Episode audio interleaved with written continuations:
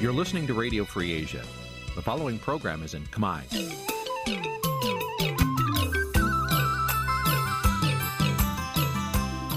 Nǐ chi càm bi tiệp xáy vệt chiu a zì sê ray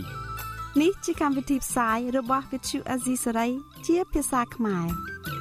វិទ្យុអាស៊ីសេរីសូមស្វាគមន៍លោកអ្នកនាងទាំងអស់ពីរដ្ឋធានី Washington នៃសហរដ្ឋអាមេរិក បាទខ្ញុំបាទយ៉ងច័ន្ទដារាសូមជម្រាបសួរលោកអ្នកនាងអ្នកស្ដាប់វិទ្យុអាស៊ីសេរីទាំងអស់ជាទីមេត្រីខ្ញុំបាទសូមជូនកម្មវិធីផ្សាយសម្រាប់យប់ថ្ងៃប្រហ័ស12រោចខែភទ្របទឆ្នាំខាលចត្វាស័កពុទ្ធសករាជ2566ដែលត្រូវនឹងថ្ងៃទី22ខែកញ្ញាគ្រិស្តសករាជ2022បាទជាដំបូងនេះសូមអញ្ជើញអស់លោកអ្នកនាងស្ដាប់ព័ត៌មានប្រចាំថ្ងៃដែលមានមេត្តាដូចតទៅ។ តុលាការកំពូលនៃសាលាក្តីខ្មែរក្រហមរក្សាការផ្ដន់ទោសដាក់ពន្ធនាគារអស់មួយជីវិតលោកខៀវសំផនតុលាការក្រុងភ្នំពេញបន្តជំរះក្តីសំណុំរឿងសកម្មជនគណៈបកប្រឆាំងនិងថ្នាក់ដឹកនាំគណៈបកនេះជិត40នាក់សកម្មជនមេដាធម្មជាតិតែងខ្លួនធ្វើជាប្រែតដើម្បីទាមទារឲ្យរដ្ឋាភិបាលលោកហ៊ុនសែនដាក់កោះកុងក្រៅជាឧទ្យានជាតិសមុទ្រ សមត្ថកិច្ចខេត្តកណ្ដាលបន្តបង្ក្រាបជនជាតិចិនជិត100នាក់រឿងបើកបនលបែងអនឡាញខុសច្បាប់រួមនឹងព័ត៌មានសំខាន់សំខាន់មួយចំនួនទៀត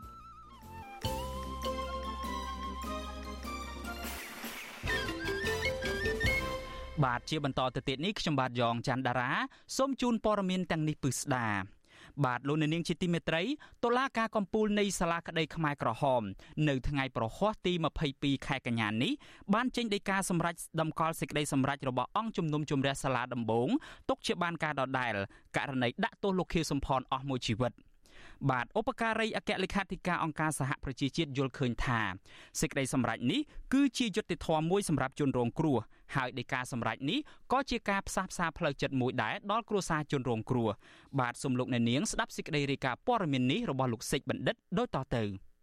តុលាការកំពូលនៃសាលាក្តីខ្មែរក្រហមចេញដីកាសម្រេចចុងក្រោយបដិសេធបណ្ដឹងសារទុករបស់ខៀវសំផនដែលរក្សាសេចក្តីសម្រេចរបស់តុលាការដំបូងដដែល តាក់ទងនឹងបទចោតក្នុងករណី002/2ជុំវិញការចោតប្រកាន់លោកតាក់ទងនឹងអំពើប្រល័យពូជសាសន៍ប្រឆាំងនឹងជនជាតិចាម និងជនជាតិវៀតណាម ការរៀបការដោយបង្ខំនិងការរំលោភខ្សែសន្តិវៈនៅទូទាំងប្រទេស ការបោសសម្អាតផ្ទៃក្នុង និងឧក្រិដ្ឋកម្មប្រឆាំងមនុស្សជាតិតាមទីតាំងសហគមន៍និងកន្លែងឃុំខ្លួនផ្សេងផ្សេងទៀតក្នុងអង្គជំនុំជម្រះ សាលាក្តីខ្មែរក្រហមនៅព្រឹកថ្ងៃទី22ខែកញ្ញាមានអ្នកចូលរួមជាង700នាក់ក្នុងនោះភ្នាក់ច្រើន ជាពលរដ្ឋមានវ័យចំណាស់មកពីខេត្តនានាដូចជាខេត្តកោះកុងខេត្តកំពង់ចាម និងខេត្តកំពង់ស្ពឺជាដើម ដែលពលរដ្ឋទាំងនោះត្រូវបានប្រធានភូមិជាអ្នកដឹកនាំចាត់ចែងឲ្យមកចូលរួមស្ដាប់ការកាសសេចក្តីដោយមានឡានក្រុងជូនទៅមក ក្រៅពីនេះក៏មានវត្តមានតំណាងអង្គការសហប្រជាជាតិអង្គទូត និងអ្នកសារព័ត៌មានជាតិនិងអន្តរជាតិចូលរួមផងដែរប្រធានតុលាការកំពូលនៃសាលាក្តីខ្មែរក្រហមលោកចៅក្រមគង់ស្រីមបានអានដីកាសម្រេចរយៈពេលជាង2ម៉ោងដោយនៅទីបញ្ចប់សាលដីការបស់តុលាការកំពូល សម្រេចឲ្យលោកខៀវសំផនជាប់ពន្ធនាគារអស់មួយជីវិតដដែលប្រកាសតម្កល់ការប្រកាសទោសដាក់ពន្ធនាគារអស់មួយជីវិតលោកខៀវសំផនរបស់អង្គជំនុំជម្រះសាលាដំបងបង្គាប់ថា ខៀវសំផនត្រូវស្ថិតនៅក្នុងមន្ទីរឃុំឃាំងអវតករងចាំការចេញសាធិកាមានសម្អាងហេតុពេញលេញនិងការបញ្ចប់នៅការរៀបចំសម្រាប់ការទីដោយអនុលោមតាមច្បាប់ទៅពន្ធនាគារដែលគាត់ត្រូវបន្តអនុវត្តទោសរបស់គាត់នៅក្នុងសវនាការនេះអតីតប្រមុខរដ្ឋកម្ពុជាប្រជាធិបតេយ្យលោកខៀវសំផនដែលមានអាយុ91ឆ្នាំទៅហើយនោះក៏មានវត្តមាននៅក្នុងសវនាការនោះផងដែរ ដោយលោកត្រូវបានក្រឡាបញ្ជី ប្រកាសឲ្យដឹងថា លោកមានសុខភាពល្អបង្គួរលោកបានពាក់ម៉ាស់ពណ៌សនិងជួនកាលបានអង្គុយឈ្ងោកមុខសម្លឹងទៅលើអេក្រង់ទូរទស្សន៍នៅខាងមុខក្រចកសេះដែលចៅក្រមកំពុងអានសារិកាលោកខៀវសំផន និងមេធាវីការពារក្តីរបស់លោក គឺលោកគង់សំអនមិនមានឱកាសថ្លែងសារអ្វីនោះឡើយ ទោះយ៉ាងណាកាលពីថ្ងៃទី19ខែសីហាឆ្នាំ2021នៅពេលបិទបញ្ចប់សវនាការបណ្ដឹងសារទុកលោកខៀវសំផនបានបដិសេធដាច់អហង្ការថាលោកមិនដែលពាក់ព័ន្ធជាមួយនឹងសោកនាដកម្មប្រឆាំងមនុស្សជាតិនោះទេព្រោះលោកគ្រាន់តែជាសមាជិកមជ្ឈិមបកដែលគ្មានអំណាចសម្រេចកិច្ចការកម្ពុជាដោយគណៈអចិន្ត្រៃយ៍នោះឡើយហើយម្យ៉ាងទៀតនៅក្នុងសម័យកម្ពុជាប្រជាធិបតេយ្យអំណាចគឺមានតែនៅលើក្រមទាហានតែប៉ុណ្ណោះ ខ្ញុំសូមប្រកាសថាខ្ញុំមិនអាចទទួលបានទេការចោទប្រកាន់ដែលថាខ្ញុំបានចូលរួមនៅក្នុងផែនការមួយដែលមានទិសដៅប្រព្រឹត្តអកតកម្មលើបងប្អូនរួមជាតិឯងក្នុងនោះរំរាប់ទាំងបងប្អូនចាមឬជនជាតិវៀតណាម ទោះបីអស់លោកសម្រាប់យ៉ាងណាក៏ដោយខ្ញុំនឹងត្រូវស្លាប់នៅក្នុងគុកខ្ញុំស្លាប់ទៅដោយចងចាំជានិច្ចទុកសោកវេទនារបស់ប្រជាជនកម្ពុជា បន្ទាប់ពីសវនាការបានបញ្ចប់ឧបការីអគ្គលេខាធិការអង្គការសហប្រជាជាតិនិងជានាយកទទួលបន្ទុកកិច្ចការច្បាប់លោក Stephen Mathias បានថ្លែងសារទៅកាន់សន្និសីទសារព័ត៌មានដោយលោកបញ្ជាក់ថាលោកមានការកោតសរសើរ ចំពោះសាលាក្តីខ្មែរក្រហម ដែលបានដំណើរការកាត់ក្តីសំណុំរឿង002/2ដោយរលូននិងស្របតាមបទដ្ឋានច្បាប់អន្តរជាតិហើយកិច្ចការនេះគឺជាសក្ខីភាពបញ្ជាក់បន្ថែមថាមិនត្រូវឲ្យមានអំពើនិទានភាពចំពោះសោតនេតកម្មមនុស្សជាតិអន្តរជាតិនោះបន្តទៀតទេលោក Stephen Mathias បន្ថែមថាសេចក្តីប្រកាសនៅថ្ងៃនេះក៏ជាការបង្ហាញថាសហគមន៍អន្តរជាតិបានត្រៀមខ្លួន និងមានឆន្ទៈរួចជាស្រេចក្នុងការធានាឲ្យមានការទទួលខុសត្រូវចំពោះឧក្រិដ្ឋកម្មធ្ងន់ធ្ងរជាអន្តរជាតិបើទោះបីជាឧក្រិដ្ឋកម្មទាំងនោះត្រូវបានប្រព្រឹត្តទៅអស់រយៈពេលរាប់ទសវត្សរ៍យ៉ាងណាក្តី The delivery of today's judgment highlights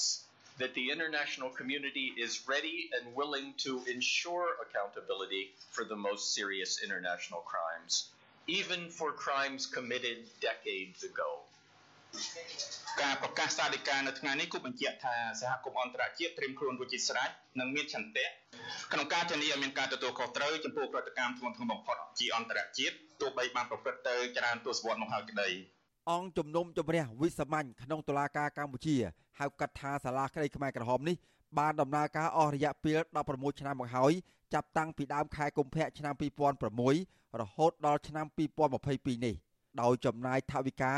ដែលបានមកពីការផ្ដល់វិភាគទានស្ម័គ្រចិត្តរបស់ក្រមប្រទេសម្ចាស់ជំនួយ ដែលមានចំនួនទឹកប្រាក់330លានដុល្លារក្នុងនោះភាគីជាតិចំណាយអស់94.74លានដុល្លារនិងភាគីអន្តរជាតិចំណាយអស់235.35លានដុល្លារខ្ញុំបាទសេកបណ្ឌិត វិទ្យុអាស៊ីសេរីពីរដ្ឋធានីវ៉ាស៊ីនតោនបាទលោកអ្នកនាងជាទីមេត្រីដោយដែលលោកអ្នកនាងបានស្ដាប់សេចក្តីរាយការណ៍របស់លោកសេកបណ្ឌិតអំបញ្ញមិញនេះហើយគឺថាលោកខៀវសំផនគឺជាជនជាប់ចោតចុងក្រោយគេបង្អស់នៃសំណុំរឿង002វគ្គ2បាទលោកខៀវសំផនគឺជា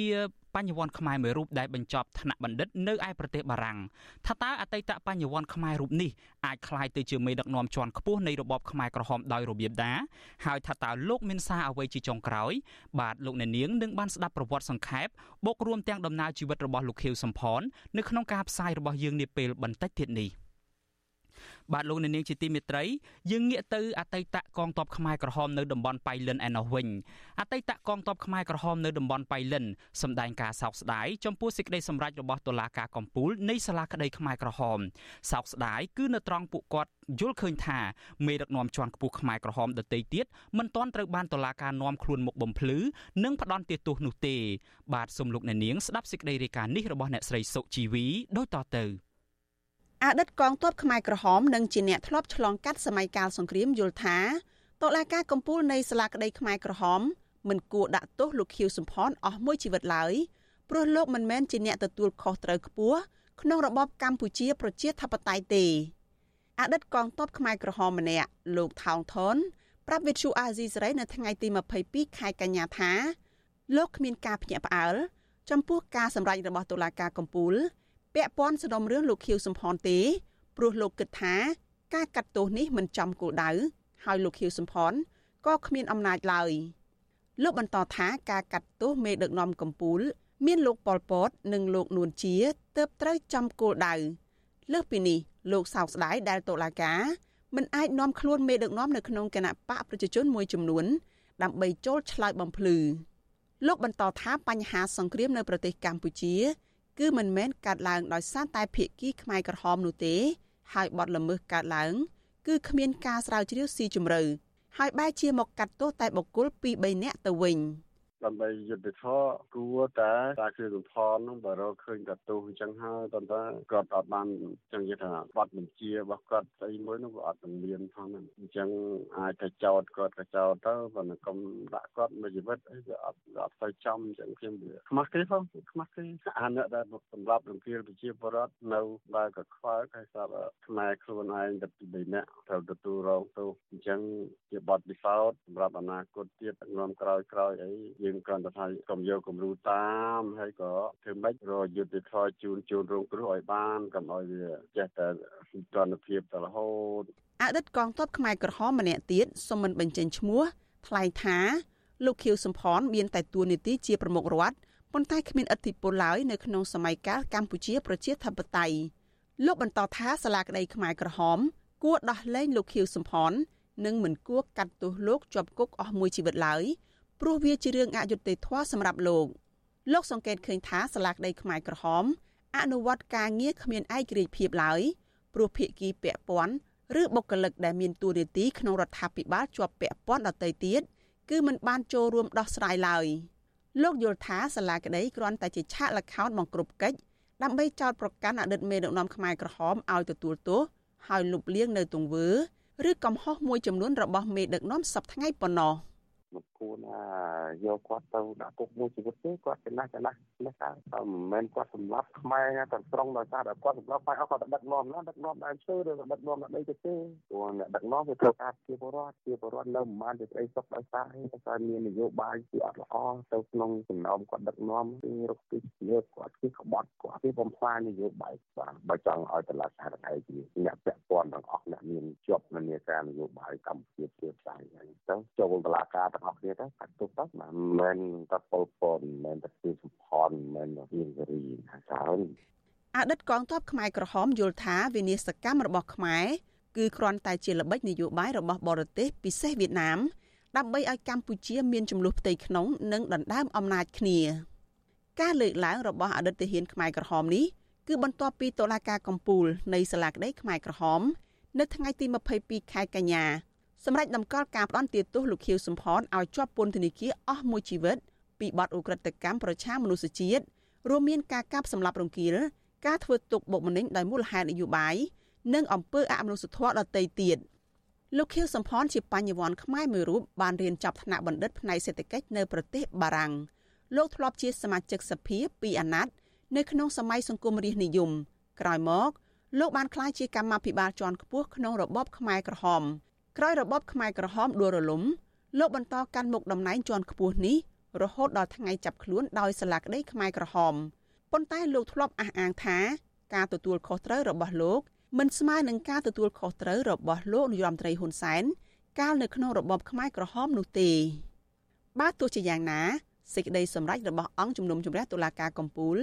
បានបិទផ្លូវតវ៉ានិងចាស់ទុកក្នុងប្រវត្តិសាស្ត្រថាលោកខៀវសំផនគឺជាជនឧក្រិដ្ឋ ត្រូវស្ថិតនៅក្នុងមន្ទីរឃុំឃាំងរបស់សាលាក្តីខ្មែរក្រហមដោយនឹងត្រូវអនុវត្តទោសរហូតដល់ជីវិតចុងក្រោយរបស់លោក នាងខ្ញុំសុជីវី Vithu Azizi Serai ពីរដ្ឋធានី Washington បាទលោកអ្នកនាងជាទីមេត្រីតកតងទៅនឹងសេចក្តីសម្រេចរបស់តុលាការ កំពូលនៃសាលាក្តីខ្មែរក្រហមទៅលើសំណុំរឿងរបស់លោកខៀវសំផននេះដែរថាតើសហមេធាវីរបស់លោកខៀវសំផនមានប្រតិកម្មយ៉ាងណាខ្លះចំពោះសាលិកានេះបាទសូមលោកអ្នកនាងរងចាំស្ដាប់កិច្ចសម្ភាសអំពីរឿងនេះនៅក្នុងកម្មវិធីផ្សាយរបស់យើងរយៈពេល30នាទីដែលនឹងចាប់ផ្ដើមពីម៉ោង8កន្លះដល់ម៉ោង9នៅយប់នេះកុំបីខាន បាទសូមអរគុណ thank you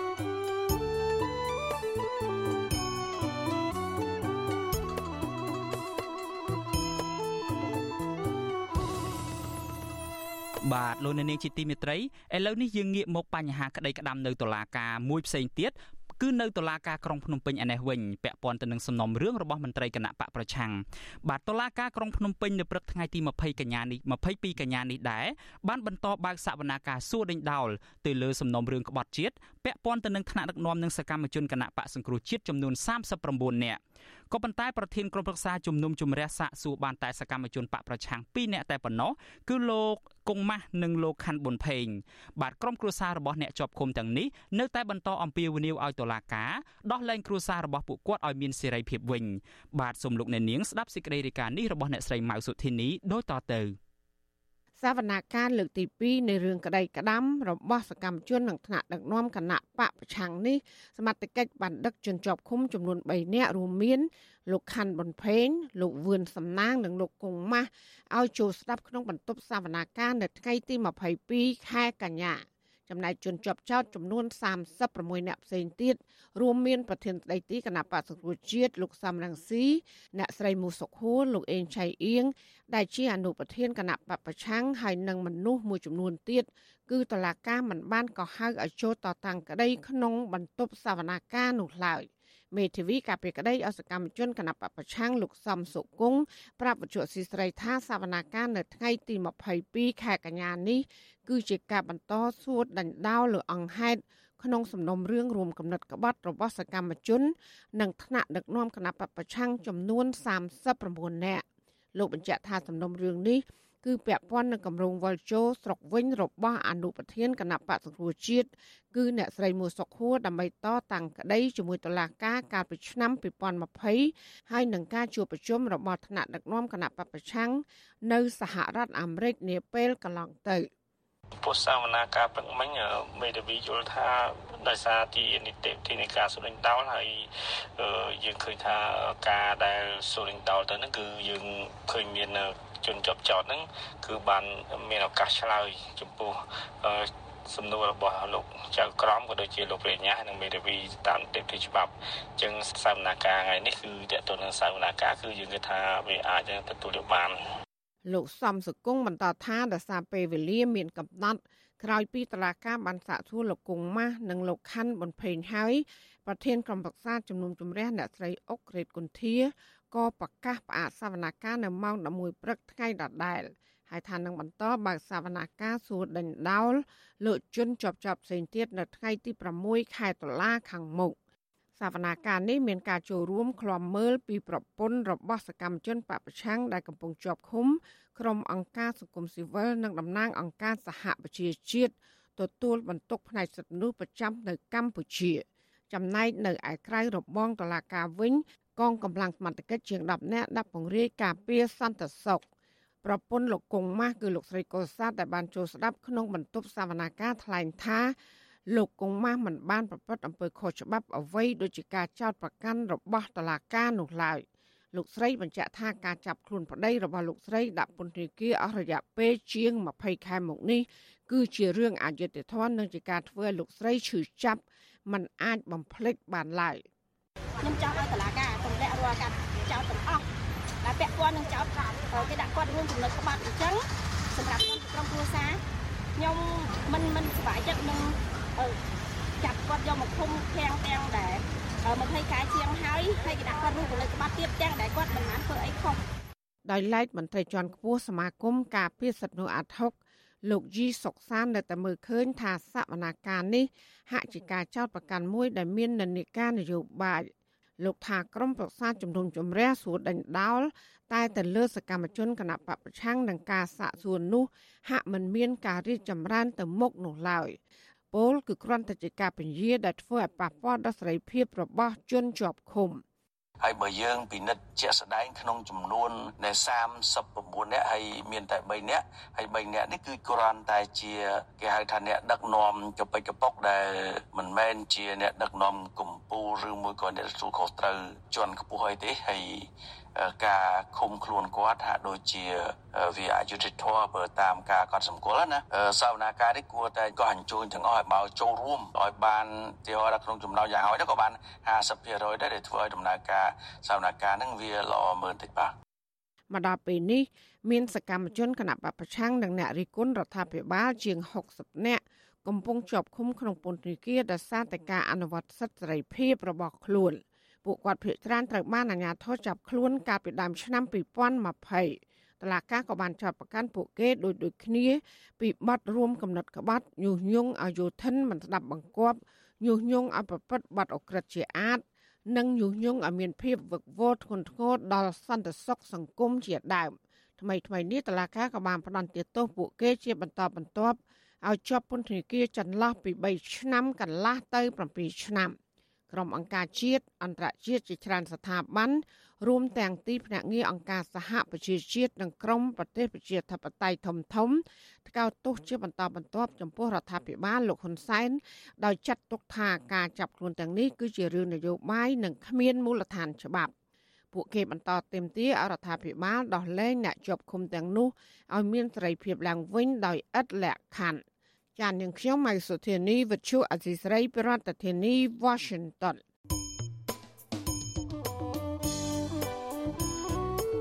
បាទលោកនាងជាទីមេត្រីដំណើរគ្នានឹងស្ដាប់ការផ្សាយរបស់ Vuthu Azizi Siri តាមរយៈបណ្ដាញសង្គម Facebook និង YouTube លោកនាងក៏អាចស្ដាប់ Vuthu Azizi Siri តាមរយៈរលក ធាតុអាកាសខ្លីឬក៏ Shortwave បានដែរតាមរយៈកម្រិតកម្ពស់ដូចតទៅ បាទពេលព្រឹកចាប់ពីម៉ោង5កន្លះដល់ម៉ោង6កន្លះ តាមរយៈរលកធាតុអាកាសខ្លី12140 kHz ស្មើនឹងកម្ពស់ 25m និង13715 kHz ស្មើនឹងកម្ពស់ 22m ពេលយប់ចាប់ពីម៉ោង7កន្លះដល់ម៉ោង8កន្លះតាមរយៈរលកធាតុអាកាសខ្លី9960 kHz ស្មើនឹងកម្ពស់ 30m 12140 kHz ស្មើនឹងកម្ពស់ 25m និង11885 kHz ស្មើនឹងកម្ពស់ 25m បាទសូមអរគុណ thank you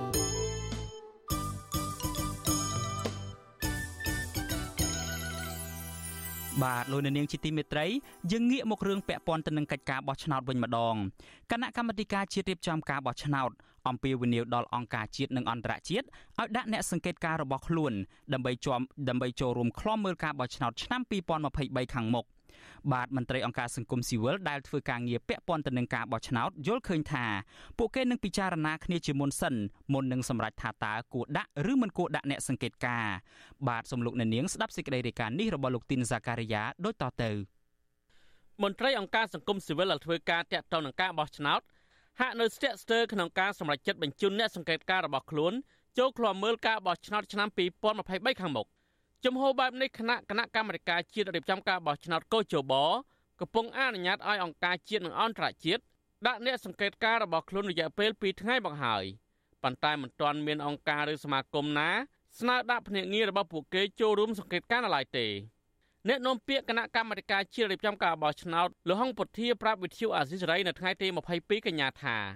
ការដែលអង្គការនានាមិនទាន់ដាក់អ្នកសង្កេតការរបស់ខ្លួនអាចពេលវេលានឹងមានច្រើនទៀតនឹងជាប់តាក់ទងនឹងការរៀបចំពិធីបុណ្យភ្ជុំបិណ្ឌលោកហុងពធាដឹងថាកោជបស្វាគមន៍គ្រប់ភាគីដែលមានបំណងដាក់អ្នកសង្កេតការលោកឲ្យដឹងទៀតថាអ្នកសង្កេតការជាតិនិងអន្តរជាតិមានតួនាទីសំខាន់ក្នុងដំណើរការបោះឆ្នោតហើយពួកគេមានសិទ្ធិ ចេញរបាយការណ៍លាតត្រដាងចំណុចវិជ្ជមាន និងចំណុចអវិជ្ជមាននៃដំណើរការបោះឆ្នោតក៏ចបសង្ឃឹមថានឹងមានអ្នកសង្កេតការជាតិនិងអន្តរជាតិ ស្នើសុំដើម្បីធ្វើជាអ្នកសង្កេតការចុះឈ្មោះបោះឆ្នោតនិងផលិតបញ្ជីឈ្មោះនៅឆ្នាំ2022នេះបាទបាទអ្នកសង្កេតការជាតិក្តីអន្តរជាតិក្តីទោះបីលោកមិនមានយោបល់ផ្ទាល់នៅក្នុងដំណើរការសង្កេតការប៉ុន្តែលោកមានជារបាយការណ៍ដើម្បីឆ្លុះបញ្ចាំងនៅរាល់សកម្មភាពទាំងឡាយណាពាក់ព័ន្ធនឹងដំណើរការគូជបអនុញ្ញាតឲ្យអង្គការជាតិអន្តរជាតិអាចដាក់ស្នើអ្នកសង្កេតការរបស់ខ្លួនដើម្បីចូលរួមឃ្លាំមើលការបោះឆ្នោតចាប់ពីថ្ងៃទី20កញ្ញាឆ្នាំ2022ដល់ថ្ងៃទី18កុម្ភៈឆ្នាំ2023ចំណែកគណៈបញ្ញយោបាយអាចស្នើសុំចុះឈ្មោះភ្នាក់ងាររបស់ខ្លួន ចាប់ពីថ្ងៃទី13ដុល្លារដល់ថ្ងៃទី11កុម្ភៈឆ្នាំ2023អ្នកសម្របសម្រួលផ្នែកអង្គការរបស់អង្គការឃ្លាំមើលការបោះឆ្នោត Confrel លោកកនសវាងឲ្យដឹងថាអង្គការរបស់លោកនឹងជជែកជាមួយអង្គការពាក់ព័ន្ធដើម្បីវាយតម្លៃស្ថានភាពនយោបាយជាមុនសិន លោកបន្តថាប្រសិនបើបរិយាកាសនយោបាយល្អគ្មានការធ្វើទុកបុកម្នេញលើសកម្មជននិងគណៈបកក្រៅរដ្ឋាភិបាលអង្គការរបស់លោកអាចនឹងដាក់អ្នកសង្កេតការឃ្លាំមើលការបោះឆ្នោតនាពេលខាងមុខ យើងមិនមិនមិនទាន់មានការជ័យគ្នាជារួមទេពីព្រោះឥឡូវនេះគឺស្ថិតនៅក្នុងការបន្តការតាមដាន នៅដំណើរការនៅបច្ចទាំងបរិយាកាសយោបាយនិងឋានភាពផ្សេងផ្សេងដែលថាតើវាមានការឆ្លើយតបជាមួយនឹងលក្ខខណ្ឌទាំង6ចំណុចដែលអង្គការសង្គមស៊ីវិលបានស្នើសុំឲ្យមានការស្ដារឡើងវិញនឹងគឺថាដល់កម្រិតណាហើយចំណែកឯនាយកប្រតិបត្តិអង្គការឃ្លាំមើលការបោះឆ្នោតនៅកម្ពុជាហៅកាត់ថា Netflix វិញ លោកសំគុណធីមីលើកឡើងថាអង្គការរបស់លោកមានគម្រោងដាក់អ្នកសង្កេតការណ៍ហើយពេលនេះអង្គការរបស់លោកកំពុងស្នើសុំថវិកាទៅស្ថានទូតនានានិងអង្គការអន្តរជាតិឲ្យជួយគាំទ្រថវិកាក្នុងការដាក់អ្នកសង្កេតការណ៍នេះលោកថាការដាក់អ្នកសង្កេតការណ៍ត្រូវការពេលវេលានិងថវិកាដើម្បីបណ្ដោះបណ្ដាលអ្នកទាំងនោះឲ្យคล้ายជាអ្នកសង្កេតការណ៍ដែលបំពេញការងាររបស់ខ្លួនដោយឯករាជ្យនិងមានវិជ្ជាជីវៈ ចូលរួមប៉ុន្តែគាត់ថាចំនួនអ្នកចេតការប្រហែលជាមិនបានច្រើនដោយសារយើងខ្វះថវិការៀបចំបាទបញ្ហាបញ្ហាបាត់ចិត្តទៅបាទបញ្ហាព្រោះយើងអត់មានថវិកាទេយើងមិនបានផ្ដល់រើសយកវិការបានច្រើននេះព្រោះយើងត្រូវការថវិកាបណ្ដុះបណ្ដាលស្័យត្បិតតែពួកគាត់ស្ម័គ្រចិត្តមែនប៉ុន្តែគាត់ថាយើងឧបត្ថម្ភជាបាយទឹកថ្ងៃសង្កេតការអញ្ចឹងណាមិនជួបបាយធ្វើដំណើរគាត់បាទក្រៅពីអង្គការសង្គមស៊ីវិលអ្នកនាំពាក្យគណៈបកប្រជាជនកម្ពុជាលោកសុកអេសាន និងអ្នកនាំពាក្យគណៈបកភ្លើងទៀនលោកថៃសិដ្ឋាក៏ឲ្យដឹងដែរថាគណៈបកទាំងពីរនេះនឹងដាក់ភ្នាក់ងាររបស់ខ្លួនដើម្បីសង្កេតការបោះឆ្នោតនាពេលខាងមុខដែរតើតើនៅរឿងនេះអ្នករាយការណ៍ពិសេសអង្គការសហប្រជាជាតិលោកវិទិតមុនតបនបានលើកឡើងក្រោយពីបញ្ចប់ដំណើរទស្សនកិច្ចរបស់លោកកាលពីចុងខែសីហាថាលោកនឹងស្នើឲ្យមានអ្នកសង្កេតការណ៍ឯករាជ្យអន្តរជាតិប្រមាណជា3000នាក់ដើម្បីចូលរួមក្លំមើលការបោះឆ្នោតឆ្នាំ2023 លោកជំរិញទៅកោជបឲ្យកាត់បន្ថយអ្នកសង្កេតការណ៍ដែលមានតំណែងតំណងនឹងគណៈបកនយោបាយដោយជំនួសមកវិញនៅអ្នកសង្កេតការអាយក្រិចខ្ញុំធីនសាការីយ៉ាអស៊ីសេរីប្រធានីវ៉ាស៊ីនតោន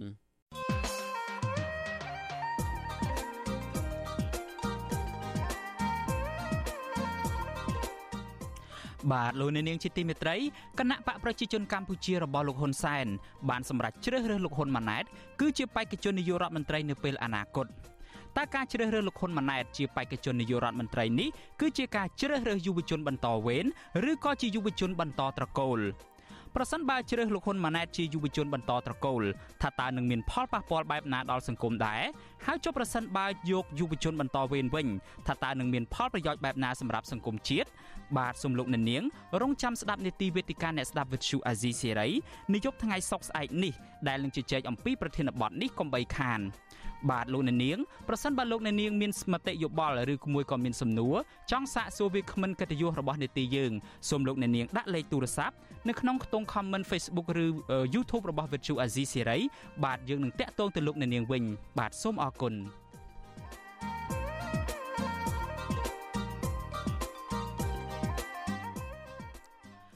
បាទលោកអ្នកនាងជាទីមេត្រីបន្ទាប់ពីរឿងសាលាក្តីខ្មែរក្រហមរឿងក្តីក្តាមរបស់គណៈបកប្រឆាំងនិងរឿងកិច្ចការបោះឆ្នោតហើយឥឡូវនេះយើងងាកមកបញ្ហាបរិស្ថានវិញម្ដងក្រុមយុវជនចលនាមេដាធម្មជាតិជិត10នាក់បាននាំគ្នាតបតែងខ្លួនធ្វើជាប្រែតនិងរៀបចំសន្និសីទកាសែតដើម្បីទាមទារឲ្យក្រសួងបរិស្ថានដាក់កោះកុងក្រៅគឺជាឧទ្យានជាតិសមុទ្រ សកម្មភាពរបស់ក្រមយុវជនបែបនេះគឺដោយសារតែក្រសួងបរិស្ថានមិនព្រមបង្ហាញពីរបាយការណ៍មិនមិនព្រមបង្ហាញអំពីលទ្ធផលនៃការសិក្សាស្រាវជ្រាវអំពីកោះកុងក្រៅនិងមិនព្រមដាក់កោះកុងក្រៅទៅជាឧទ្យានជាតិសមុទ្រឡើយរហូតមកទល់នឹងពេលនេះបាទសូមលោកអ្នកនាងស្ដាប់សេចក្តីរាយការណ៍នេះរបស់លោកថាថៃដូចតទៅជូនពេលក្នុងរដូវបុណ្យកាន់បិណ្ឌនិងភ្ជុំបិណ្ឌនេះក្រមយុវជនចលនាមេដាធម្មជាតិជិត10នាក់ បានតបតែងកាយស្លៀកស និងគូមុខមាត់ធ្វើជាប្រែតហើយធ្វើសន្និសីទកសែតក្រមប្រធានបទប្រែតស្រឡាញ់កោះកុងក្រៅមានគោលបំណងទាមទារឲ្យក្រសួងបរិស្ថានបង្ហាញជាសាធារណៈនៅព័ត៌មានពាក់ព័ន្ធនឹងកោះកុងក្រៅហើយដាក់កោះនេះជាអធិនជាតិសមុទ្រសន្និសីទកាសែតនេះធ្វើឡើងនៅទីស្នាក់ការសមាគមសម្ព័ន្ធនិស្សិតបញ្ញវន្តខ្មែរនៅរសៀលថ្ងៃទី22ខែកញ្ញាសកម្មជនចលនាមេដាធម្មជាតិលោកលីចន្ទរាវុធថ្លែងថាពួកគាត់ជាប្រែតដែលស្រឡាញ់កោះកុងក្រៅ ហើយចង់ឲ្យក្រសួងបរិស្ថានពន្លឿនដាក់កោះកុងក្រៅដែលមានសក្តានុពលធនធានធម្មជាតិនិងជីវៈចម្រុះទៅជាឧទ្យានជាតិសមុទ្រដើម្បីជាផលប្រយោជន៍រួមរបស់ជាតិលោកបន្តថាអាញាធរពពន់តែងចំណាយពេលវេលា ធ្វើទុកបុកម្នេញលើយុវជនដែលស្រឡាញ់កោះកុងក្រៅតែបែរជាគ្មានឆន្ទៈបង្ហាញព័ត៌មាននៃលទ្ធផលស្រាវជ្រាវនិងការដាក់កោះកុងក្រៅជាអូសៀនជាតិសមុទ្រតាមការប្រកាសរបស់ក្រសួងបរិស្ថានទៅវិញកាលពីឆ្នាំ2020ក្រសួងបរិស្ថានបានសន្យាយ៉ាងច្បាស់នៅក្នុងលិខិតរបស់ខ្លួនថានឹងដាក់កោះកុងក្រៅជាអូសៀនជាតិសមុទ្រហេតុនេះនៅក្នុងកម្មវិធីសន្និសិទនេះនៃការដាក់បិណ្ឌហ្នឹងប្រែតស្នើសុំឲ្យក្រសួងហ្នឹងគោរពពាក្យសន្យារបស់ខ្លួនផងដោយកុំឲ្យដោយពាក្យមួយគេថាកុហកក្មេងពោកកបាទ ហើយយើងសង្ឃឹមថាកោះកុងក្រៅនឹងក្លាយទៅជាអូសៀនជាតិក្រោយពេលប្រែតយើងបានធ្វើសន្និសិទនេះហើយបាទហើយតាមពិតទៅប្រែតយើងក៏ចង់សហការជាមួយក្រសួងបរិស្ថានដែរប៉ុន្តែទាស់តែក្រសួងមិនដែលបើកចិត្តទលាយឆ្លើយតបជាមួយពួកយើងសោះហើយហើយនេះបើថ្ងៃណាមួយក្រសួងមានការផ្លាស់ប្ដូរចិត្តគំនិតចង់សហការវិញក្រសួងអញ្ជើញមកទទួលទានបាយបិណ្ឌជុំគ្នាជាមួយយើងបាទជជែករឿងបរិស្ថានបាទជាមួយគ្នានេះសកម្មជនចលនាមេដាធម្មជាតិម្នាក់ទៀតកញ្ញាភួនកែវរស្មីព្រួយបារម្ភថា ប្រសិនបើក្រសួងបរិស្ថានមិនដាក់កោះកុងក្រៅជាអាស៊ានជាតិសមុទ្រទេកោះនេះនឹងអាចធ្លាក់ទៅក្នុងដៃរបស់អង្គការដែលមានកេរ្តិ៍ឈ្មោះអាស្រូវឬបំផ្លាញធនធានធម្មជាតិ បើសិនជាកោះនេះមិនបានដាក់ជាអូសៀនជាតិទេដែលយើងដឹងហើយនៅក្រោមដៃរបស់លោកអុកញ៉ាលីយ៉ុងផាត់បងប្អូនប្រែតយើងច្រើនណាស់នៅខាងក្រោមដែលថាលោកអុកញ៉ាលីយ៉ុងផាត់នេះគឺរំលោភសិទ្ធិមនុស្សខ្លាំងមែនទែនពាក់ព័ន្ធមួយរឿងស្កឈាមកាលពីឆ្នាំ2006ផងចារំលោភកម្លាំងពលកម្មកុមារផងមានជាប់ជាមួយនឹងការលួចលុយលក់ខ្សាច់ទៅខាងប្រទេសសង្ហបុរីផងពួកយើងក៏អាចថាកំពុងចាំផ្លូវគាត់ដែរប៉ុន្តែមិនដឹងថាពេលណាគាត់ទៅទេអញ្ចឹងយើងមកដាស់តឿនគេលើធ្វើបុណ្យធ្វើទានទៅក៏អាចថាបុណ្យខ្លះបាបខ្លះមិនធ្លាក់នរកទៅវេទនានៅខាងក្រោមឬក៏ទៅបំផ្លាញឋានយើងនៅខាងក្រោមនៅក្នុងឋាននរកទៀតអញ្ចឹងយើងទីមទីឲ្យក្រសួងបរិស្ថានចាទី1ចង់ឲ្យគាត់គោរពពាក្យសម្ដីគោរពការរំពឹងរបស់ខ្លួនឯងដែលគាត់រំពឹងទុកកាលពីឆ្នាំ2020ហ្នឹងកុំឲ្យគេថាស្ដោះឲ្យលុតវិញនៅក្នុងសន្និសីទកាសែតនោះក្រុមយុវជនដែលតាំងខ្លួនធ្វើប្រែតបានបើកឱកាសឲ្យអ្នកកាសែតស៊ូដេញដោលបន្ទាប់ពីបញ្ចប់សន្និសីទកាសែតនោះពួកគាត់ក៏នាំគ្នាឲ្យទៀនធូបចាក់ទំនួញប្រែតនិងនាំគ្នាដើរដង្ហែតាមផ្សារដើម្បីផ្សព្វផ្សាយឲ្យប្រជាពលរដ្ឋបានស្គាល់កោះកុងក្រៅ ការទៀមទារបស់ក្រមយុវជនជាបន្តបន្ទាប់នៅពេលនេះដោយសារក្រសួងបរិស្ថានកាលពីខែមិថុនាឆ្នាំ2020បានបញ្ជូនមន្ត្រីជំនាញចុះសិក្សាស្រាវជ្រាវរៀបចំឯកសារនិងទិន្នន័យទាក់ទិននឹងកោះកុងក្រៅតាំងពីឆ្នាំ2016ហើយក្រសួងថានឹងអាចប្រកាសដាក់តំបន់កោះកុងក្រៅនេះជាឧទ្យានជាតិសមុទ្រនៅអំឡុងឆ្នាំ2021ក្រោយបញ្ចប់ការសិក្សារួចក៏ប៉ុន្តែរយៈពេលជាង6ឆ្នាំមកនេះ ក្រសួងមិនបានបង្ហាញជាសាធារណៈអំពីលទ្ធផលនៃការសិក្សាស្រាវជ្រាវឬប្រកាសតំបន់កោះកុងក្រៅជាឧទ្យានជាតិសមុទ្រដោយការសន្យារបស់ក្រសួងឡើយបញ្ហានេះធ្វើឲ្យក្រមយុវជនបារម្ភពីការបាត់បង់តំបន់ធម្មជាតិមួយនេះគណៈតំបន់នោះបានប្រគល់ឲ្យអង្គការលីយ៉ុងផាត់សមាជិកប្រសិទ្ធភាពមកពីគណៈបកប្រជាជនកម្ពុជាសម្រាប់អភិវឌ្ឍទាក់ទងនឹងរឿងនេះវិទ្យុអាស៊ីសេរីមិនអាចសុំការឆ្លើយតបពីអ្នកនាំពាក្យក្រសួងបរិស្ថានលោកណេតភក្ត្រាបានទេដោយទូរស័ព្ទចូលពុំមានអ្នកទទួល ទោះជាយ៉ាងណាកន្លងមកលោកនេតភក្ត្រាធ្លាប់លើកឡើងថាក្រសួងពិតជាមានបំណងដាក់កោះកុងក្រៅជាឧទ្យានសមុទ្រប៉ុន្តែមិនអាចបញ្ជាក់ពេលវេលាច្បាស់លាស់បានទេអ្នកនាំពាក្យសមាគមការពារសិទ្ធិមនុស្សអាត់ហុកលោកសឹងសែនករណាមានប្រសាសន៍ថាសកម្មភាពរបស់ក្រមយុវជននេះគឺជាការតស៊ូមតិដោយសន្តិវិធីនិងស្របតាមច្បាប់លោកជំរុញឲ្យក្រសួងបរិស្ថានឆ្លើយតបជាវិជ្ជមានចំពោះការស្នើសុំរបស់ក្រមយុវជន ដោយដាក់កោះកុងក្រៅជាឧទ្យានជាតិសមុទ្រប្រសិនបើមិនចង់ឃើញពួកគាត់បន្តទៀមទាម្ដងហើយម្ដងទៀតបើយើងមើលឃើញពីគោលបំណងនៃការទៀមទារបស់ក្រមយុវជននេះគឺពួកគាត់ទៀមទាមិនមែនដើម្បីផលប្រយោជន៍ខ្លួនឯងទេ គឺសម្រាប់ទុករក្សាជាអូសៀនជាតិសម្រាប់ជាប្រយោជន៍រួមរបស់ប្រទេសជាតិដើម្បីបង្ការកុំឲ្យវាបាត់បង់ទៅនឹងវិស័យឯកជនណាមួយអញ្ចឹងខាងក្រសួងគួរតែមានការពិនិត្យមើលឡើងវិញអំពីការទៀមទានេះ ក្រមយុវជនចលនាមេដាធម្មជាតិនេះបានធ្វើយុទ្ធនាការទៀមទាដាក់កោះកុងក្រៅជាឧទ្យានជាតិសមុទ្រនេះជាយូរមកហើយដូចជាយុទ្ធនាការជិះកង់ការតាំងពិព័រណ៍រូបថតកោះកុងក្រៅនិងការដាក់ញត្តិទៅក្រសួងបរិស្ថានជាដើមប៉ុន្តែអាជ្ញាធររដ្ឋាភិបាលមិនត្រឹមតែមិនឆ្លើយតបជាវិជ្ជមាននោះទេថែមទាំងប្រើកងកម្លាំងសមត្ថកិច្ចរារាំងពួកគាត់ជារៀងរាល់លើកថែមទៀតកោះកុងក្រៅជាកោះដ៏ធំស្ថិតក្នុងលំហសមុទ្រកម្ពុជា មានទីតាំងក្នុងឃុំជ្រោយប្រោះ ស្រុកកោះកុងខេត្តកោះកុងនិងមានចម្ងាយប្រមាណ30គីឡូម៉ែត្រពីក្រុងខេមរៈភូមិន្ទកោះកុងនេះគ្របដណ្ដប់ដោយព្រៃឈើក្រាស់ខ្មឹកអមដោយទឹកជ្រោះជាច្រើនកន្លែងមានជីវៈចម្រុះជាច្រើនប្រភេទជាពិសេសកោះនេះមានឆ្នេរខ្សាច់សក្បោះនិងទឹកសមុទ្រពណ៌ខៀវស្រងាត់ក្រុមយុវជនដែលធ្លាប់ទៅដល់ទីនោះបញ្ជាក់ថាមូលហេតុដែលកោះកុងអាចរក្សាលក្ខណៈធម្មជាតិរបស់ខ្លួនបានគឺដោយសារតែมันមានប្រជាពលរដ្ឋរស់នៅទីនោះនិងมันមានការអភិវឌ្ឍពីក្រុមហ៊ុនឯកជន ពួកគាត់ចង់ឃើញកោះនេះក្លាយជាអូឈានជាតិសមុទ្រដើម្បីផលប្រយោជន៍រួមរបស់ជាតិតាមរយៈការបម្រើវិស័យទេសចរដល់ភ្ញៀវជាតិនិងអន្តរជាតិខ្ញុំថាថៃពីទីក្រុងមែលប៊នបាទលោកអ្នកនាងជាទីមេត្រីតកតងទៅនឹងរឿងកោះកុងក្រៅនេះដែរឥឡូវនេះយើងបានភ្ជាប់ទៅកាន់ក្រមយុវជនតាមរយៈបណ្ដាញ Skype ដើម្បីសាកសួរពួកគាត់ជំរាបសួរយុវជនទាំង5នាក់បាទ ចាសូមជម្រាបសួរបាទសូមអរគុណបាទអូប្លែកមែនតើបាទអ្នកទាំង5រូបនៅក្នុងសម្លៀកបំពាក់និងក្នុងឯកសន្តានក្នុងការតបតែងខ្លួនជាប្រែតនៅឡើយទេតាំងពីព្រឹកមកអត់ទាន់លៀងជំរះផ្លាស់ប្ដូរទេបាទចានៅបងគឺយើងរក្សាទុកមកដល់ពេលនេះពោះ ប្លែកមើលឃើញខ្លួនឯងប្លែកអញ្ចឹងអត់ចង់លុបចេញបាទនៅពេលដែលតែងខ្លួនអញ្ចឹងហើយខ្ញុំខ្ញុំចាំបានខ្ញុំស្គាល់បានតែពីររូបទេគឺលីច័ន្ទតារាពុតនិងភួនកែរស្មីក្រៅពីនេះខ្ញុំសូមអធិស្ឋានដែរខ្ញុំចាំមុខអត់បានទេបាទ ឥឡូវនេះយើងចង់ជជែកអំពីសាច់រឿងរបស់យើងវិញតកតងទៅនឹងយុទ្ធនាការថ្មីនេះថាតើក្រមយុវជនទាំង5រូបសម្រាប់ធ្វើការតបតែងខ្លួនឲ្យស្របទៅនឹងស្ថានភាពនាពេលបនភ្ជុំបិណ្ឌនេះហើយស្នើទៅក្រសួងបរិស្ថាននេះថាតើមកដល់ពេលនេះយើងមានដំណឹងអីខ្លះដែរទេពីក្រសួងបរិស្ថានជុំវិញសកម្មភាពរបស់បងប្អូនទាំង5រូបហ្នឹងបាទចាអឺ ជាដំបូងនាងខ្ញុំសូមជាប្រែតសូមអរគុណទៅដល់ខាងយមបាលចាដែលបានប្រឡែងពួកយើងមកដើម្បីចូលរួមកិច្ចការងារសង្គមហើយក៏សូមអរគុណសន្តិភាពដែរមកពីមានសន្តិភាពទៅមានមនុស្សធ្វើអាក្រក់ច្រើនចានៅឋាននរកមានមនុស្ស ច្រើនមែនតើមានប្រែតច្រើនមែនតើចា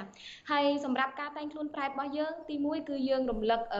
ពីខាងបុណ្យភ្ជុំដែលជាបុណ្យប្រពៃណីជាតិខ្មែរយើងផងហើយជាពិសេសទៀតហ្នឹងគឺយើងដាស់តឿនចាការតែងខ្លួនជាប្រែតនេះគឺជាសារដាស់តឿនទៅដល់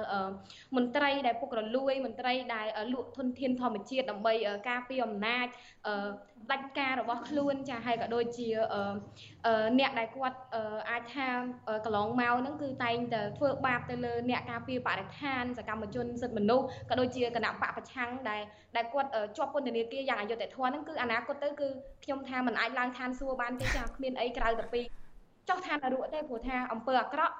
មិនឈ្នះអំពើល្អឡើយហើយជាពិសេសខ្ញុំមិនចង់ថានេះគឺជា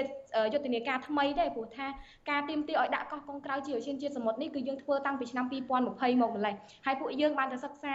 នៅលើកោះកុងក្រៅតាំងពី2015 2016ដោយសកម្មជនជាជារៀមច្បងរបស់យើងនៅក្នុងចលនាមេដាធម្មជាតិនេះហើយ ពួកយើង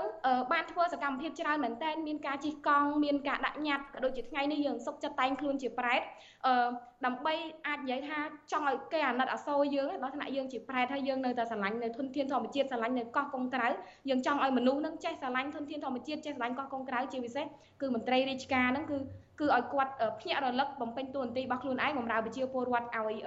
អាចថាឲ្យពេញដៃពេញជើងចាកុំឲ្យស៊ីប្រាក់ខែរីហើយមិនមិនធ្វើការជូនប្រជាពលរដ្ឋហើយ អឺជាពិសេសទៀតហ្នឹងពួកយើងអាចថាសប្បាយចិត្តមែនតើបើទោះបីជាគ្មានការឆ្លើយតបពី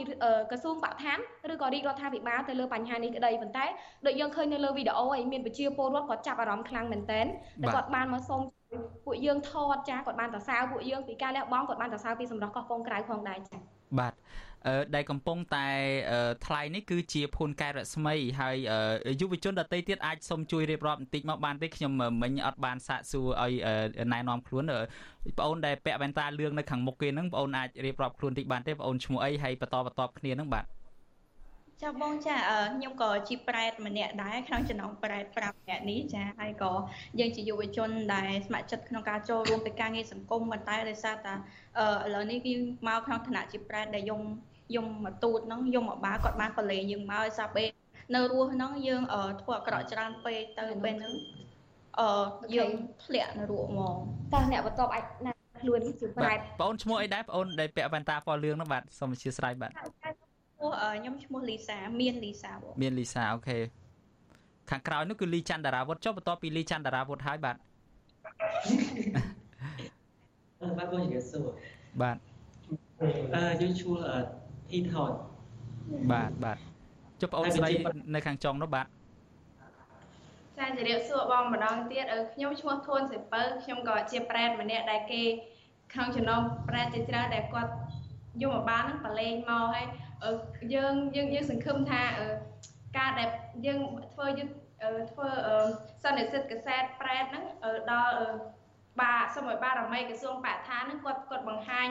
អឺអ្វីដែលគាត់ចោះស្រាវជ្រាវបានឲ្យដាក់កោះកុងក្រៅជាអាស៊ានជាតិសមុទ្រឆាប់ឆាប់ហើយសង្ឃឹមតែគាត់នឹងយកដល់ប្រែតយើងដោយសារតែយើងរដូវការប្រជុំបិណ្ឌហ្នឹងប្រែតត្រូវរបាយបិណ្ឌត្រូវ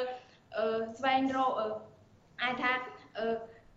សាច់ញាតិយើងធ្វើបន់ឲ្យយើងយើងខំចំណាយពេលវេលាដែលយើងត្រូវរកបាយបេនត្រូវទទួលមេផលចំណាយពេលមកធ្វើសន្និសិទកសែតមួយមួយថ្ងៃនេះសូមឲ្យ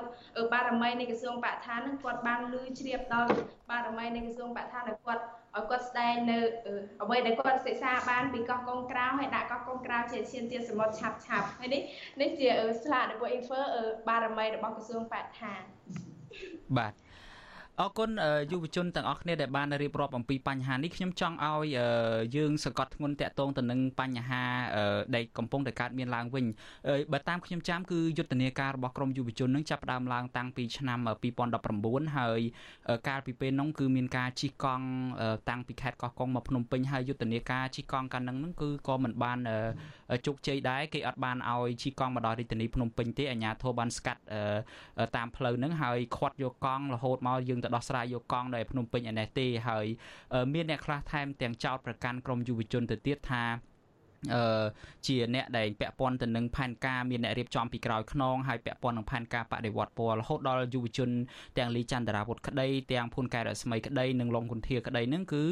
ត្រូវបានគេចាប់ដាក់ពន្ធនាគារហើយចោតនៅក្នុងបទចោតមួយក្នុងចំណោមបទចោតរឿងញុះញង់នឹងគឺតកតងនឹងរួមគំនិតក្បត់នឹងទៅទៀតថាតើសកម្មភាពរបស់ប្អូននៅពេលនេះពួកប្អូនមិនមានការបារម្ភអំពីការចោតប្រកាន់ថ្មីទៀតទេឬមួយក៏យ៉ាងណាដែរបាទ ចាអឺចំពោះការបារម្ភសម្រាប់ពួកយើងខ្ញុំថាជាមនុស្សទោះតិចឬច្រើននៅតែបារម្ភហើយក៏នៅមានភាពភ័យខ្លាចដែរប៉ុន្តែជាក់ស្ដែងបើសិនជាពួកយើងទាំងអស់គ្នា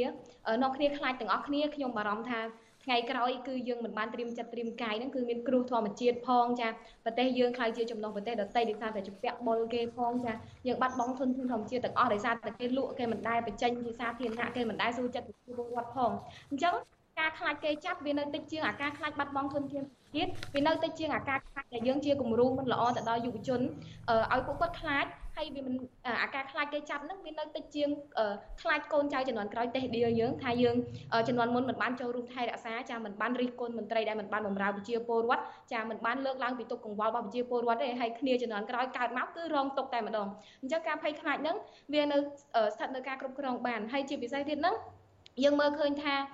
នៅក្នុងប្រទេសយើងជាប្រទេសមួយដែលអត់ត្រូវការអ្នកខ្លាចទេព្រោះយើងមិនមែនជាប្រទេសប្រជាធិបតេយ្យពេញលេញទេនៅពេលនេះគឺយើងកំពុងស្ថិតនៅក្នុងការរដ្ឋបတ်មួយ ដែលដែលខ្លាំងមែនតើបើសិនជាពួកយើងគ្រាន់តែជាអ្នកប្រកបរបររកស៊ីក៏វាមានការរដ្ឋបတ်ទៅលើផ្នែកសេដ្ឋកិច្ចចាការបងពុងបងពុនចូលរដ្ឋដែលលុយរបស់យើងនឹងបើកទៅឲ្យមន្ត្រីរាជការដែលមិនបម្រើរាជចាហើយបើយើងធ្វើការខាងបរិស្ថានវិញយើងនឹងប្រឈមបាត់ចោលដោយពួកយើងនឹងអញ្ចឹងហើយបើយើងធ្វើការជាមួយនឹងគណៈបពប្រឆាំងយើងទីមទាសិទ្ធយើងតស៊ូមតិហ្នឹងអាហ្នឹងយើងនឹងទទួលការវាយដំក៏ធ្លាប់ទទួលហើយដែរការចាប់ដាក់ពន្ធនាគារក៏ធ្លាប់ហើយនឹងវីរៈជនរបស់យើង ដែលបានបាត់បង់ជីវិតដោយសារការទៀមទាហ្នឹងក៏មានច្រើនហើយបើសិនជាគាត់ដល់ថ្នាក់ទៅលះបង់ជីវិតហើយពួកយើងរាល់ថ្ងៃខ្ញុំខ្ញុំយល់ថាអ្នកខ្លះនឹងដល់ថ្នាក់ថាខ្ញុំអាចលះបង់ជីវិតបានដើម្បីជាតិហើយអញ្ចឹងហេតុអីត្រូវខ្លាចជាប់គុកអញ្ចឹងអានេះវាជាបញ្ហាមួយដែលពួកយើងអាចគ្រប់គ្រងបានទេចា៎បាទបងមួយណាបាទមានតាមនុស្សទុនខ្សោយឬក៏មនុស្សមានសតិអត់គ្រប់ទេដែលធ្វើបាបប្រែត អូខេបាទសំណួរចុងក្រោយរបស់ខ្ញុំមួយទៀតទេដោយសារពេលវេលាយើងមានកំណត់ខ្ញុំចង់ដឹងថាបន្ទាប់ពីការតែងខ្លួនតបតែងខ្លួនធ្វើជាប្រែតនេះហើយក្រោយរដូវកាលប្រជុំបិណ្ឌនេះតើក្រមយុវជននឹងមានគម្រោងធ្វើអ្វីបន្ថែមទៀតដែរចំពោះយុទ្ធនាការកោះកុងក្រៅនេះបាទ ចាដោយសារតប្រជាពលរដ្ឋយើងនៅមានពាក្យតិចដែលគាត់បានទៅលេងទៅដល់កោះកុងក្រៅអញ្ចឹងប្រហែលជាពួកយើងនឹងឧស្សាហ៍ដឹកនាំយុវជននាំប្រជាពលរដ្ឋដែលគាត់ជាពលករដែលដែលគាត់ជាកម្មករកម្មការនីដែលគាត់ជាតាស៊ីក្លូឬមួយក៏អ្នកដែលគាត់អត់មានលទ្ធភាពហ្នឹងយើងនឹងព្យាយាមរកថវិកាចាដោយសច្ចរិតគឺយើងចង់នាំបងប្អូនប្រជាពលរដ្ឋខ្មែរយើង ទៅឃើញសម្រស់របស់កោះកុងក្រៅទៅចូលរួមការពារកោះកុងក្រៅហើយជាពិសេសយុទ្ធនាការនេះខ្ញុំជឿថានៅវែងឆ្ងាយទៀតណាព្រោះថាខាងរដ្ឋមន្ត្រីក្រសួងបរិស្ថានអ្នកនាំពាក្យក្រសួងបរិស្ថានជាពិសេសគឺក្រសួងបរិស្ថានទាំងមូលគឺព្យាយាមកិច្ចវេះ ចាមិនដែលមានការជជែកទល់មុខគ្នារវាងយុវជនក៏ដូចជាមិនដែលលើកឡើងពីព័ត៌មានកោះកុងក្រៅសោះនៅក្នុងឆ្នាំ2022នេះហើយជាពិសេសក្នុងឆ្នាំ2021ខ្ញុំនៅក្នុងពន្ធនាគារខ្ញុំទន្ទឹងស្ដាប់គេប្រកាសកោះកុងក្រៅជាអាស៊ានជាតិក៏យើងមិនលឺដូច្នេះហើយខ្ញុំជឿថាយុទ្ធនាការនេះនៅវែងឆ្ងាយហើយបងប្អូនប្រជាពលរដ្ឋត្រូវតែគ្រប់គ្រងជាចាំបាច់ក៏ដូចជាលើកឡើងពីបញ្ហាកោះកុងក្រៅទាំងអស់គ្នាទៅមានដំណោះស្រាយចា៎បាទ ខ្ញុំបាទសូមអរគុណបងប្អូនទាំងអស់គ្នាដែលបានចំណាយពេលចូលរួមនៅក្នុងការផ្សាយរបស់យើងនារាត្រីនេះសូមអរគុណនិងសូមជម្រាបលាបាទចាសូមជម្រាបលា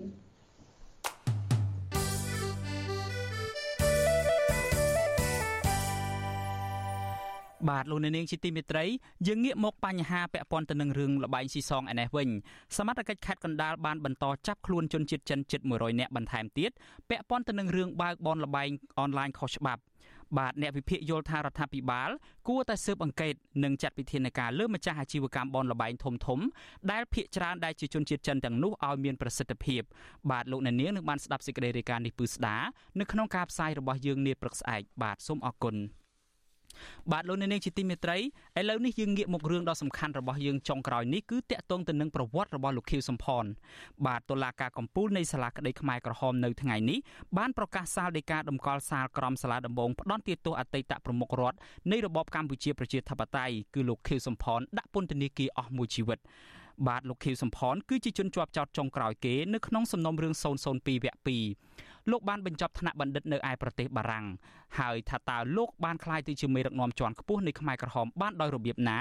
បាទសូមលោកអ្នកនាងស្ដាប់សេចក្តីរាយការណ៍អំពីប្រវត្តិរបស់លោកខៀវសំផនរបស់លោកលេងម៉ាលីដូចតទៅក្នុងវ័យ91ឆ្នាំលោកខៀវសំផនគឺជាអតីតមេដឹកនាំខ្មែរក្រហមជាន់ខ្ពស់តែម្នាក់គត់ដែលនៅមានជីវិតក្នុងសំណុំរឿង002របស់សាលាក្តីខ្មែរក្រហមសំណុំរឿងនេះចែកចេញជាពីរ គឺសំណុំរឿង002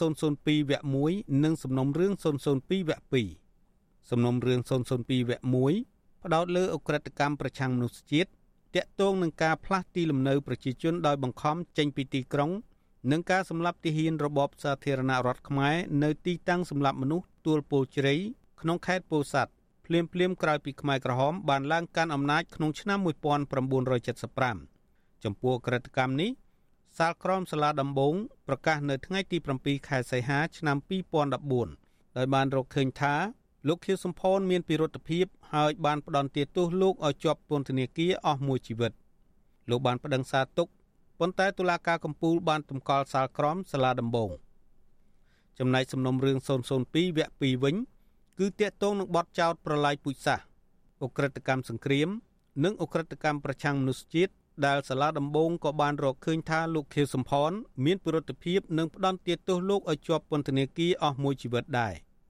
លោកខៀវសំផនក៏បានប្តឹងសារទុកដែរហើយតុលាការកំពូលបានតម្កល់សាលក្រមសាលាដំបងទុកជាបានការនៅថ្ងៃប្រហ័សទី22ខែកញ្ញាឆ្នាំ2022នេះដែរក្នុងដំណើរការកាត់ក្តីទាំងក្នុងសំណុំរឿង002វគ្គ1ទាំងក្នុងសំណុំរឿង002វគ្គ2 លោកខៀវសំផនមិនដែលទទួលស្គាល់ថាលោកបានប្រព្រឹត្តទោសកំហុសដោយការចោទប្រកាន់ម្ដងណាទេក្នុងនីតិចុងក្រោយរបស់លោកនៅមុខតុលាការកំពូលនៃសាលាក្តីខ្មែរក្រហម កាលពីថ្ងៃទី19ខែសីហាឆ្នាំ2021អតីតបញ្ញវន្តខ្មែរដែលក្លាយជាប្រមុខរដ្ឋនៃរបបខ្មែរក្រហមរូបនេះបដិសេធរាល់ការចោទប្រកាន់របស់ក្រមសហព្រះរាជអាជ្ញាថ្ងៃនេះជាថ្ងៃចុងក្រោយបំផុតហើយដែលខ្ញុំនិយាយ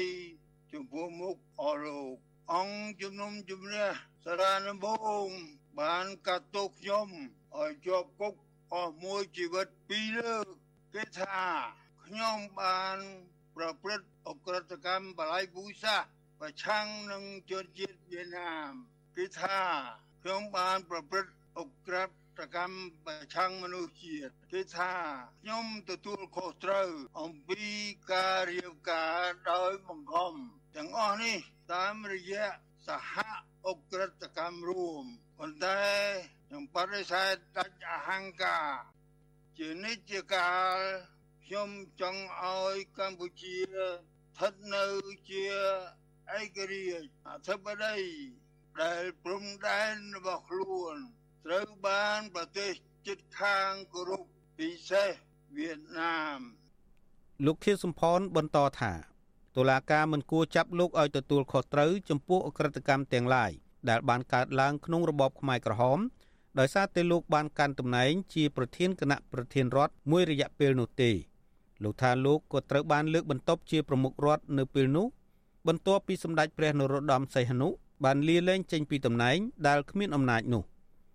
លោកអះអាងថាក្នុងតំណែងដែលមានតែសម្បកនេះលោកមិនបានដឹងអំពីការកាប់សម្លាប់មនុស្សនៅអំឡុងពេលនោះឡើយ ខ្ញុំសូមប្រកាសថាខ្ញុំមិនអាចទទួលបានទេការចោទប្រកាន់ដែលថាខ្ញុំបានចូលរួមនៅក្នុងផែនការមួយ ដែលមានទិសដៅប្រព្រឹត្តអកតកម្មលើបងប្អូនរួមជាតិឯងក្នុងនោះសម្រាប់ទាំងបងប្អូនចាមឬជនជាតិវៀតណាម សហមេធាវីលោកខៀវសំផនគឺលោកកូនសំអនលើកហេតុផលការពីកូនក្តីរបស់លោកថាក្នុងរបបកម្ពុជាប្រជាធិបតេយ្យខ្មែរក្រហមបានអនុវត្តទ្រឹស្ដីមួយហៅថា ក្បាលអ្នកណាសក់អ្នកនឹងដែលមានន័យថាកិច្ចការយើងយើងដឹងកិច្ចការគេគេដឹងពលគឺគ្មាននរណាដឹងរឿងរ៉ាវរបស់អ្នកដតីឡើយលោកអះអាងថាលោកខៀវសំផនដែលជាប្រមុខរដ្ឋនាពេលនោះ គេឲ្យលោកទទួលខុសត្រូវចែកចាយស្បៀងដល់ប្រជាជន និងជួបភ្ញៀវបរទេសលោកមេធាវីគង់សំអនបញ្ជាក់ថារបបកុម្មុយនីសផ្ដាច់ការខ្មែរក្រហមអំណាចពិតប្រាកដស្ថិតនៅក្នុងដៃគណៈកម្មាធិការអចិន្ត្រៃយ៍នៃបកកុម្មុយនីសកម្ពុជាមិនមែននៅក្នុងដៃប្រមុខរដ្ឋនោះទេ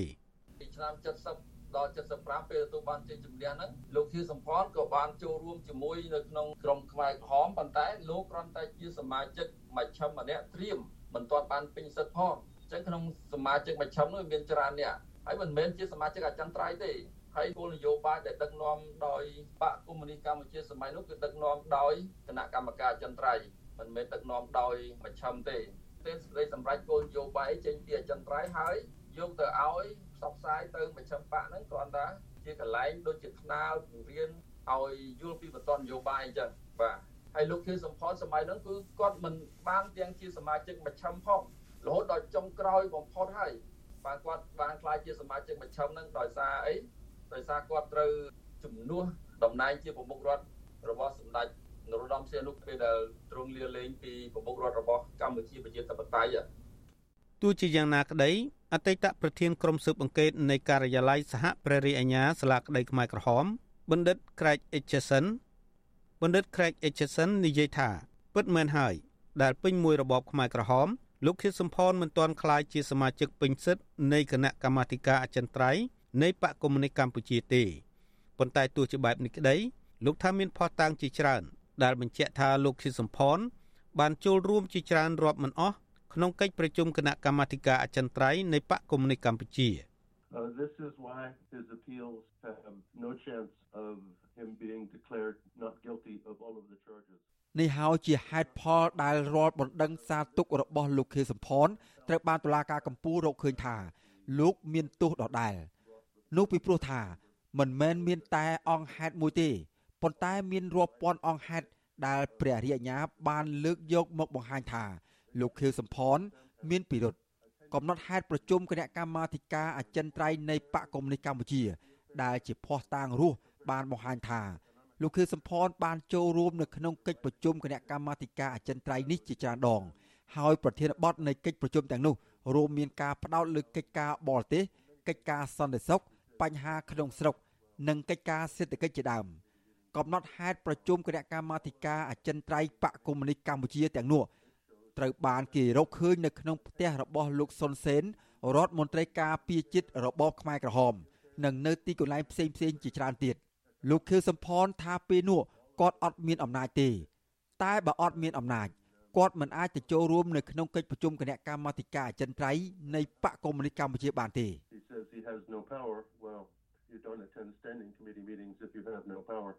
ទោះជាយ៉ាងណាក៏ដោយចុះមេធាវីរបស់លោកខៀវសំផនក៏បានចោទសាលាក្តីខ្មែរក្រហមថាបានបំពានសិទ្ធិកូនក្តីរបស់លោកលោកមេធាវីគង់សំអនបញ្ជាក់ថាក្រោយពីសម្រេចថាកូនក្តីរបស់លោកមានទោស ហើយសម្រេចផ្តន្ទាទោសលោកខៀវសំផនឲ្យជាប់ពន្ធនាគារអស់មួយជីវិតនោះសាលាដំបងនៃសាលាក្តីខ្មែរក្រហមពុំបានចេញសេចក្តីសម្អាងហេតុផលពឹស្ដារឡើយដែលទង្វើនេះផ្ទុយពីច្បាប់នៅពេលដែលតុលាការចេញសេចក្តីសម្រេចគឺត្រូវតែមានអង្គហេតុអង្គច្បាប់សម្រាប់គ្រប់គ្រងសេចក្តីសម្រេចរបស់ខ្លួន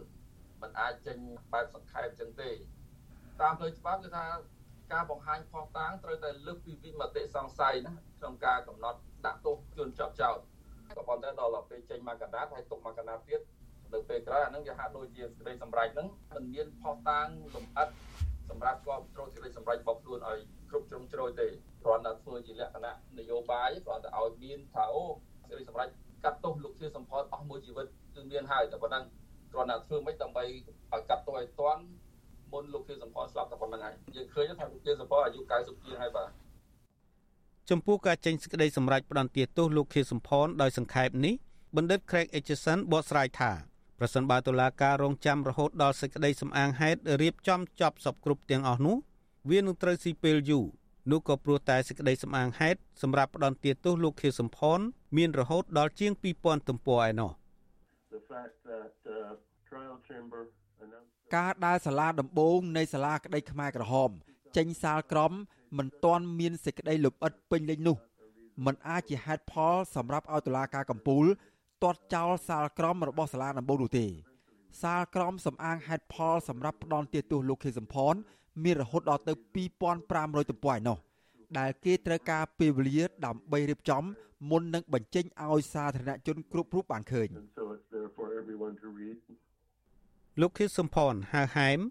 ឬណន មានអាយុ91ឆ្នាំកើតនៅថ្ងៃទី27ខែកក្កដាឆ្នាំ1931នៅឃុំជែកឃុំរំជែកស្រុករំដួលខេត្តស្វាយរៀងឪពុកឈ្មោះខៀវឡុងជាចៅក្រមម្ដាយឈ្មោះប៉ៅគង់ជាអ្នកស្រុកជីហែខេត្តកំពង់ចាមលោកមានប្រពន្ធឈ្មោះសូសុជាតិដែលជាចុងភៅនៅមន្ទីរស71ដែលជាមន្ទីររដ្ឋបាលនិងផុសភាក្នុងសម័យខ្មែរក្រហមលោកមានកូន4នាក់លោកខៀវសំផនមានបងប្អូនប្រុសស្រី5នាក់ កាលនៅកុមារលោករៀននៅសាលាបឋមសិក្សាមួយក្នុងខេត្តកំពង់ចាមរួចបន្តទៅរៀននៅអនុវិទ្យាល័យព្រះសីហនុនៅខេត្តនេះដដែលនៅទីនោះលោកជួបប៉ុលពតជាលើកដំបូងដែលកាលនោះមានឈ្មោះថាសាឡុតសលោកបានទៅរៀនបន្តនៅវិទ្យាល័យស៊ីសវ័តក្រុងភ្នំពេញហើយរៀនចប់នៅវិទ្យាល័យនេះនៅឆ្នាំ1951ក្រោយចប់វិទ្យាល័យលោកចាប់ផ្ដើមរៀនច្បាប់នៅភ្នំពេញ លោកខៀវសំផនបានទទួលអាហារូបករណ៍ទៅសិក្សានៅប្រទេសបារាំងក្នុងឆ្នាំ1955ហើយបានបោះពុម្ពផ្សាយនិក្ខេបបទថ្នាក់បណ្ឌិតរបស់ខ្លួនអំពីការអភិវឌ្ឍសេដ្ឋកិច្ចនិងឧស្សាហកម្មនៅកម្ពុជា បន្ទាប់ពីវិលត្រឡប់មកប្រទេសកម្ពុជាវិញលោកខៀវសំផនបានក្លាយទៅជាសាស្ត្រាចារ្យបន្ទាប់មកត្រូវបានតែងតាំងជារដ្ឋលេខាធិការក្រសួងពាណិជ្ជកម្មនៅឆ្នាំ1962ក្នុងរបបសង្គមរាស្ត្រនិយម លោកបានបង្កើតនិងធ្វើជាចាងវាងកាសែតជាភាសាបារាំងឈ្មោះ L'Observateur លោកខៀវសំផនថាកាសែតរបស់លោកមិនមែនគ្រប់គ្រងកុម្មុយនីសទេប៉ុន្តែកាសែតរបស់លោករិះគន់រដ្ឋាភិបាលសម្ដេចនរោត្តមសីហនុទោះជាយ៉ាងណាក្តីអ្នកគ្រប់គ្រងផ្នែកហិរញ្ញវត្ថុដល់កាសែតរបស់លោកមួយចំនួនរួមទាំងអ្នកស្រីអៀងធីរិតផង បានចងសម្ព័ន្ធភាពជាមួយក្រុមចលនាកុម្មុយនីសនៅក្នុងប្រទេសកម្ពុជា ជាលទ្ធផល លោកខៀវសំផនត្រូវបានអាជ្ញាធរតាមឃ្លាំមើលនិងធ្វើទុកបុកម្នេញលោកខៀវសំផនបានរត់ទៅលាក់ខ្លួននៅក្នុងព្រៃនៅឆ្នាំ1967បន្ទាប់ពីមានការគម្រាមកំហែងពីកងកម្លាំងសន្តិសុខរបស់សម្ដេចសីហនុហើយលេចមុខជាថ្មីជាមួយចលនាតស៊ូរបស់ខ្មែរក្រហម នៅដើមទសវត្សរ៍ឆ្នាំ1970នៅឆ្នាំ1976លោកខៀវសំផនត្រូវបានតែងតាំងជាប្រមុខរដ្ឋនៃរបបកម្ពុជាប្រជាធិបតេយ្យ នៅក្នុងការតស៊ូប្រឆាំងវត្តមានកងទ័ពវៀតណាមនៅលើទឹកដីកម្ពុជាក្នុងអំឡុងឆ្នាំ1987លោកខៀវសំផនបានឡើងជំនួសតំណែងប៉ុលពត ជាក្បាលម៉ាស៊ីនដឹកនាំរបស់ចលនាខ្មែរក្រហមនៅតាមព្រំដែនកម្ពុជាថៃបន្ទាប់ពីចុះចូលជាមួយរដ្ឋាភិបាលកម្ពុជាក្នុងឆ្នាំ1998គាត់បានចាក់ចេញពីចលនាខ្មែរក្រហមនិងរស់នៅក្នុងខេត្តបៃលិនរហូតដល់ពេលត្រូវបានចាប់ខ្លួន និងឃុំខ្លួននៅតុលាការខ្មែរក្រហម នៅខែវិច្ឆិកាឆ្នាំ2007លោកស្រីសូសុជាតិដែលជាភរិយារបស់លោកខៀវសំផន មានប្រសាសន៍នៅក្នុងសាលាដំបងសាលាក្តីខ្មែរក្រហមថាលោកខៀវសំផនគ្មានអត្តចរិតជាមនុស្សអាក្រក់ដោយការចោទប្រកាន់នោះឡើយតាមការសម្គាល់របស់លោកស្រីក្នុងពេលរស់នៅជាមួយគ្នាតាំងពីឆ្នាំ1976នោះមកខ្ញុំស្គាល់ប្តីខ្ញុំស្គាល់អត្តចរិតស្គាល់រឹកពី គឺមិនមែនជាមនុស្សស្វែងរកលៀបសក្ការៈមុខមាត់បនស័កអំណាចអាចញានោះទេក៏មិនមែនជាមនុស្សកាចសាហាវខូខើដើរចាក់ចងកាត់សម្លាប់នោះដែរទោះជាយ៉ាងណាក្តីសេចក្តីសម្រេចរបស់អង្គជំនុំជម្រះតុលាការកំពូលបានបិទផ្លូវតវ៉ានិងចារទុកក្នុងប្រវត្តិសាស្ត្រថាលោកខៀវសំផនគឺជាជនអូក្រិតត្រូវស្ថិតក្នុងមន្ទីរឃុំឃាំងរបស់សាលាក្តីខ្មែរក្រហម រងចាំការរៀបចំរួចរាល់ស្របតាមច្បាប់និងត្រូវផ្ទេរទៅពន្ធនាគាររបស់រដ្ឋដែលនឹងត្រូវអនុវត្តទោសនៅទីនោះរហូតដល់ជីវិតចុងក្រោយរបស់លោកនៅក្រោមរបបខ្មែរក្រហមពីខែមេសាឆ្នាំ1975ដល់ដើមខែមករាឆ្នាំ1979ពលរដ្ឋកម្ពុជាបានស្លាប់បាត់បង់ជីវិតជិត2លាននាក់ដោយសារការសម្លាប់រង្គាល ការអត់អាហារការបង្ខំឲ្យធ្វើការងារបាក់កម្លាំងនិងគ្មានថ្នាំសង្កូវព្យាបាលជំងឺ ខ្ញុំបាទលេងម៉ាលីវិទ្យុអាស៊ីសេរីរាយការណ៍ពីរដ្ឋធានី Washington បាទលោកអ្នកនាងជាទីមេត្រីសម្រាប់លោកអ្នកនាងដែលកំពុងតែតាមដានការផ្សាយរបស់យើងតាមរយៈរលកធាតុអាកាសខ្លីឬ Shortwave ខ្ញុំបាទសូមជម្រាបលាលោកអ្នកនាងត្រឹមតែប៉ុណ្ណេះក៏ប៉ុន្តែលោកអ្នកនាងដែលកំពុងតាមដានការផ្សាយរបស់យើងតាមរយៈបណ្ដាញសង្គម Facebook និង YouTube លោកអ្នកនាងសូមបន្តរយៈពេល30នាទីទៀតជាមួយយើងបាទជាកិច្ចបន្តទៅទៀតនេះខ្ញុំបាទសូមប្រកុលនីតិជូនលោកជីវិតាដើម្បីសម្របសម្រួលកិច្ចពិភាក្សាអំពីសាលដីកាចុងក្រោយនៃសាលាក្តីខ្មែរក្រហមទៅលើលោកខៀវ